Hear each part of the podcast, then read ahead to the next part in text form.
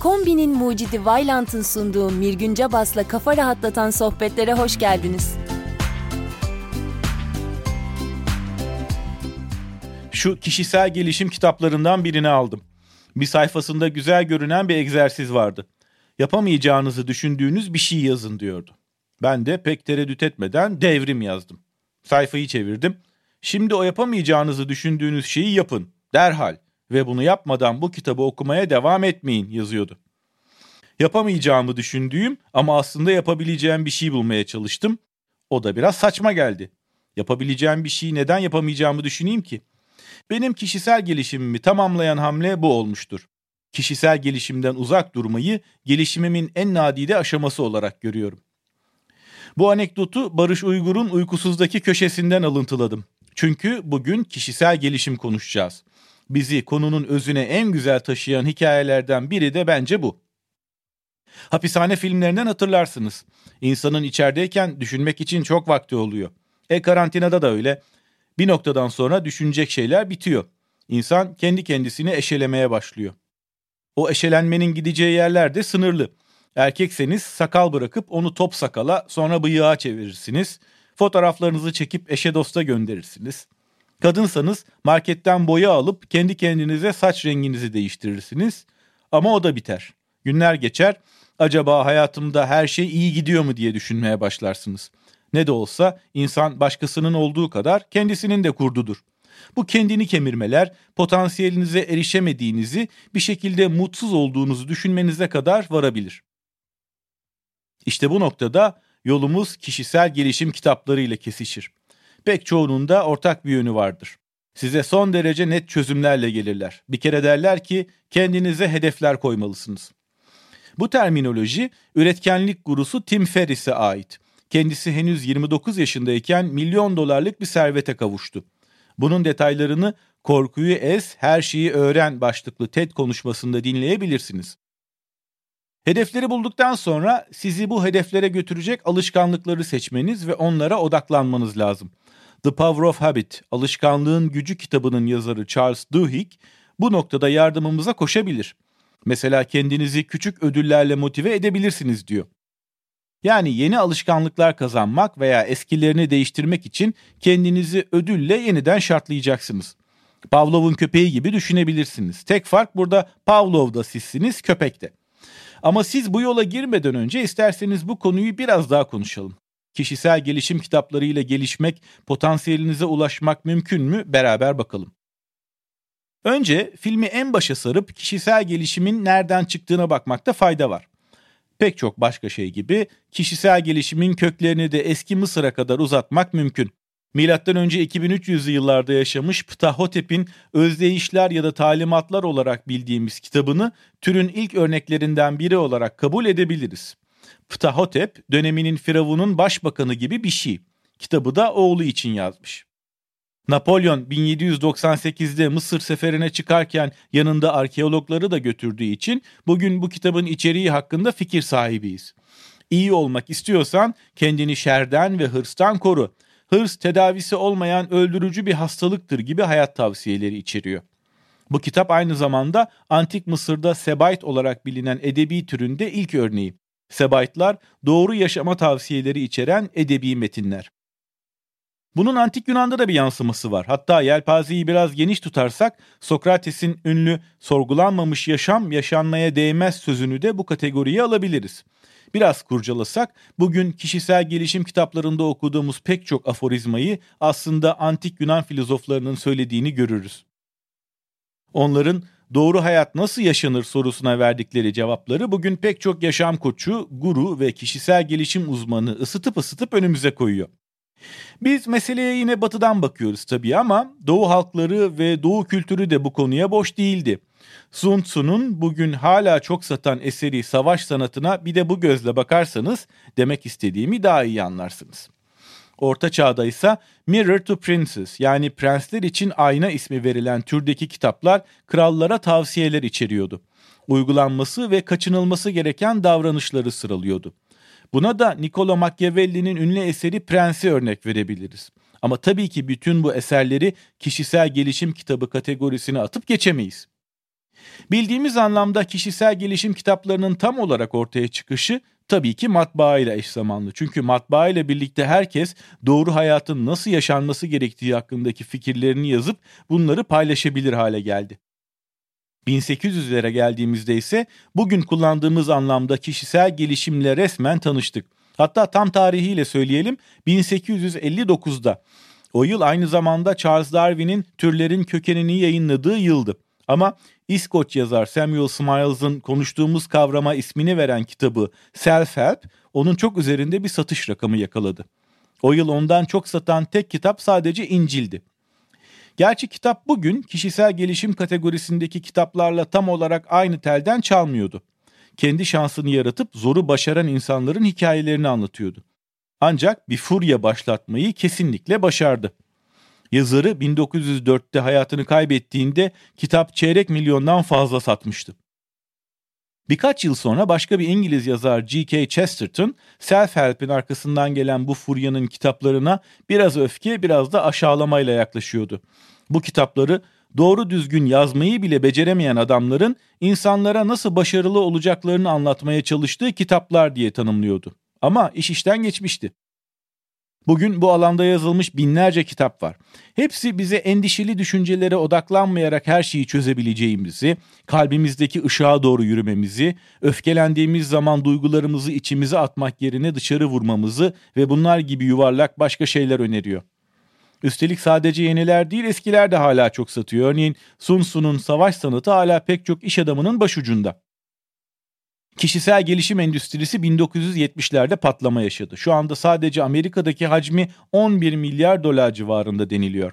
Piyasada bu kategoriye sokulan 50 binden fazla kitap var. Türün en ünlü kitaplarından biri Napolyon Hill'in yazdığı Düşün ve Zengin Ol. Kitap yayınlandığı 1937'den bugüne kadar 130 milyon kopya sattı, satmaya da devam ediyor.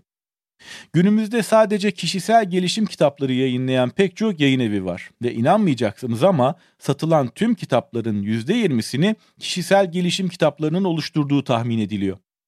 Neyse, kişisel gelişimcinin malı çenemizi daha fazla yormasın. Tarihçeyi ve bugünkü durumu özetlediğimize göre şimdi asıl sorumuzun cevabını aramaya gelebiliriz. Kişisel gelişim kitapları işe yarıyor mu? Bu konuda şüpheci olmak için yeterince sebep var. En yaygın eleştiri şu. Nasıl oluyor da kişisel gelişim yazarları oldukça geniş bir skaladaki psikolojik problemleri son derece standart ve sınırlı gözlemlerle çözebileceklerini iddia edebiliyorlar? Pek çok psikiyatrist bu kitapların insanlarda yanlış bir umudu tetiklediğini ve tam da bu nedenle yarardan çok zarar verdiklerini savunuyor kişisel gelişim kitaplarının çoğunlukla aynı tavsiyeleri tekrarladıklarını ve bu tavsiyelerin de ziyadesiyle demode olduğunu söylemiştim. Mesela pek çok kişisel gelişim kitabının verdiği bir tavsiye. Canınız sıkkın olduğunda pozitif düşünün ve mutlu olmaya odaklanın.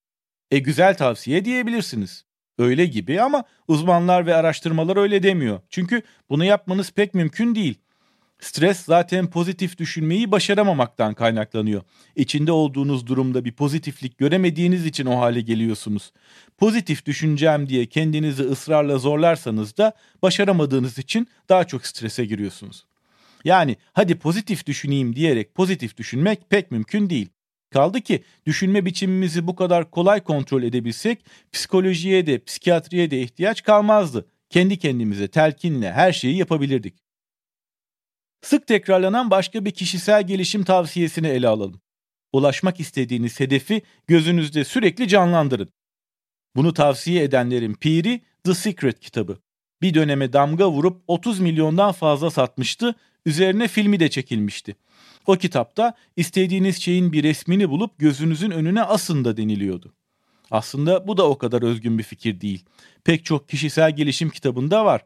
Ama ilk nerede gördük derseniz İncil'e kadar gidiyoruz. Matta 21'e 22'de şöyle deniyor. Dualarında ne istersen onu bulursun. The Secret'ta bu bir düşünceyi evrene yeterince istekli biçimde yollamak diye geçiyordu.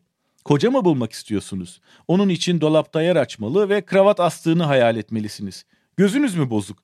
Berrak gördüğünüzü hayal edin gibi önerilerle geliyordu. Biz yine uzmanlara dönüp bakalım. Kaliforniya Üniversitesi'nde psikoloji profesörü olan Shelley Taylor'ın buna güzel bir cevabı var.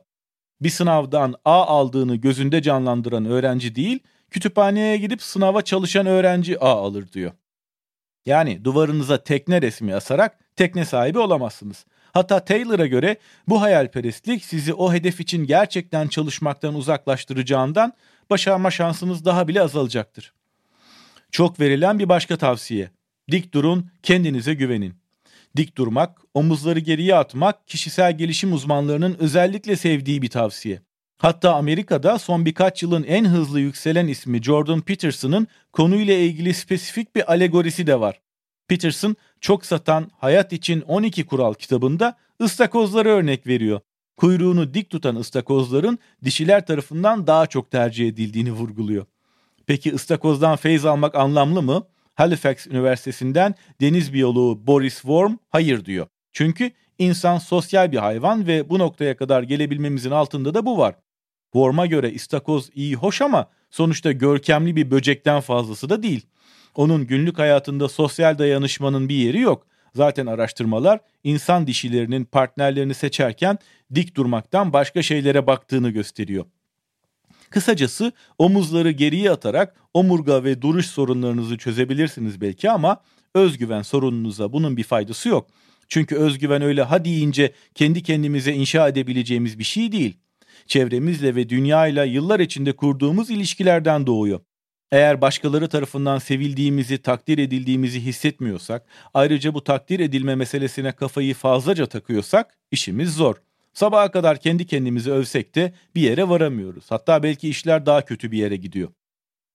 Devam edelim. Bir de öfkenizi içinize atmayın tavsiyesi var. Yabancı yazarlar bu durumlarda yastık yumruklamak gibi şeyleri tavsiye edebiliyor. Ben size kişisel gelişim yazarı Annette Inselberg'den bir alıntı yapayım. Kitabın adı Öfke Dönüştürme Ritüeli. Öfkelendiğin zaman duygularını içine atma. Ne varsa bir kağıda yaz sonra kağıtları yak diyor. Bu örneği nereden buldun derseniz bir dönemini kişisel gelişim kitapları okuyarak geçiren bir arkadaşımdan. Kitabı okumakla kalmamış denemişti. Ofiste sinirlendiği bir gün oturup kendisini sinirlendiren şeyleri bir bir yazmış. Sonra da ofisin tuvaletinde kağıdı yakmayı denemiş. Sonuç ne oldu dedim. Yanan kağıdın bir parçası çöp kovasına düştü. Az daha yangın alarmı çalışıyordu cevabını aldım. Üzerine de şirketinin insan kaynaklarından tuvaletlerde sigara içmek yasaktır diye bir mail almış. Sigara içmedim öfkemi dönüştürdüm de diyememiş tabii.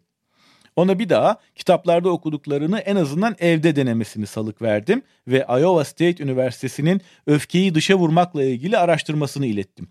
Araştırma kişisel gelişimcilerinin söylediğinin tam tersi bir sonuç vermiş. Sinirlendiğiniz zaman sergileyeceğiniz bu tip küçük agresyon şovlarının sizi sakinleştirmediği gibi öfkenizi beslediği ortaya çıkmış. Buna ek olarak keskin sirkenin kübüne zarar vermesi durumu da var. Öfkelenmek ve o öfkeyi yükseltmek kardiyovasküler sisteminiz için son derece zararlı kalp rahatsızlığı olan insanların sinirlendikleri zaman kalp krizi geçirmeye daha çok yaklaştığını hepimiz biliyoruz. Bu örnekleri çoğalta çoğalta sonsuza kadar gidebiliriz. Ama işin özü ve kişisel gelişim kitaplarının en çok eleştirilen yanı şu. Aynı çözümleri herkese öneriyorlar. Tavsiyeleri okuyucunun kişiliğine, içinde bulunduğu koşullara, mental ve fiziksel durumuna göre şekillenmiyor.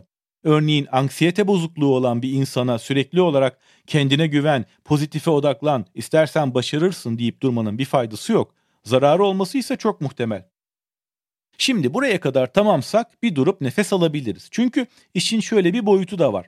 Tıpkı tek bir insan modeli olmadığı gibi tek bir kişisel gelişim kitabı modeli de yok. Bazı psikiyatristler ve psikologlar alanlarının uzmanlarının spesifik problemleri hedef alarak yazdığı bazı kitapları tavsiye edebiliyor. Buna da biblioterapi deniyor. Biblioterapinin depresyon ve anksiyete gibi rahatsızlıkların tedavisinde olumlu sonuçlar verdiğini gösteren araştırmalar da var. O zaman şöyle diyebilir miyiz? Bazı kişisel gelişim kitapları işinize yarayabilir, bazıları yaramaz. Kişisel gelişim kitabının iyisini nasıl seçeceğim derseniz onun da yolu yordamı var. Bir kere kitabı yazan kişi üzerine ahkam kestiği alanda gerçek bir uzman olmalı. Mesela tüm zamanların en çok satan kitaplarından biri olan Erkekler Mars'tan, Kadınlar Venüs'tenin yazarı John Gray onlardan biri değil. Veya demin referans verdiğimiz 50 dile çevrilen The Secret'ın yazarı Rhonda Byrne. Kendisi aslında bir televizyoncu. Milyonlarca insanın kendine rehber ettiği vazgeçebilmek ve özgür olma cesareti kitaplarının yazarı Guy Finley'i ele alalım. Onun da anlattığı şeylerle ilgili eğitimi sadece yaptığı Hindistan seyahatlerine dayanıyor. Yani bu ve benzeri arkadaşların verdiği yükselmek için önce dipte yaşamayı reddetmeniz gerekir gibi tavsiyelerle kişisel gelişmeniz çok olası değil. Eğer kitaplardan böyle bir fayda almayı hedefliyorsanız yapmanız gereken yuvarlak laflarla hayatınızı iyileştirin diyen yazarları bırakmak.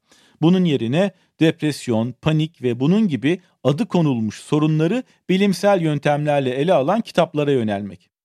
Akademik bir kurumda çalışan yazarların kitapları daha güvenlidir. Çünkü akademisyenlerin itibarı kitap satma veya kendi terapi markalarını tanıtma becerilerinden değil, nesnel araştırmacılar olma becerilerinden gelir.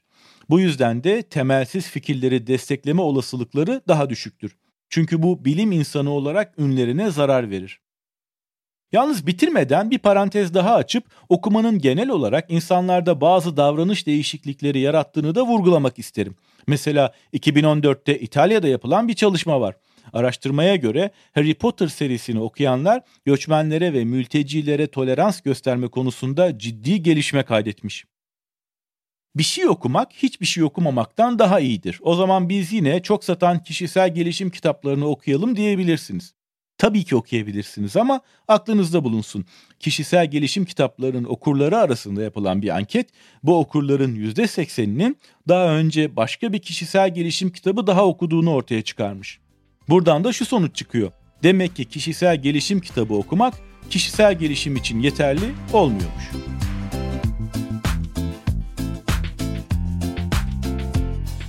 Kombinin mucidi Vailant'ın sunduğu Mirgün Cabas'la kafa rahatlatan sohbetlerin bir sonraki bölümünde görüşmek üzere.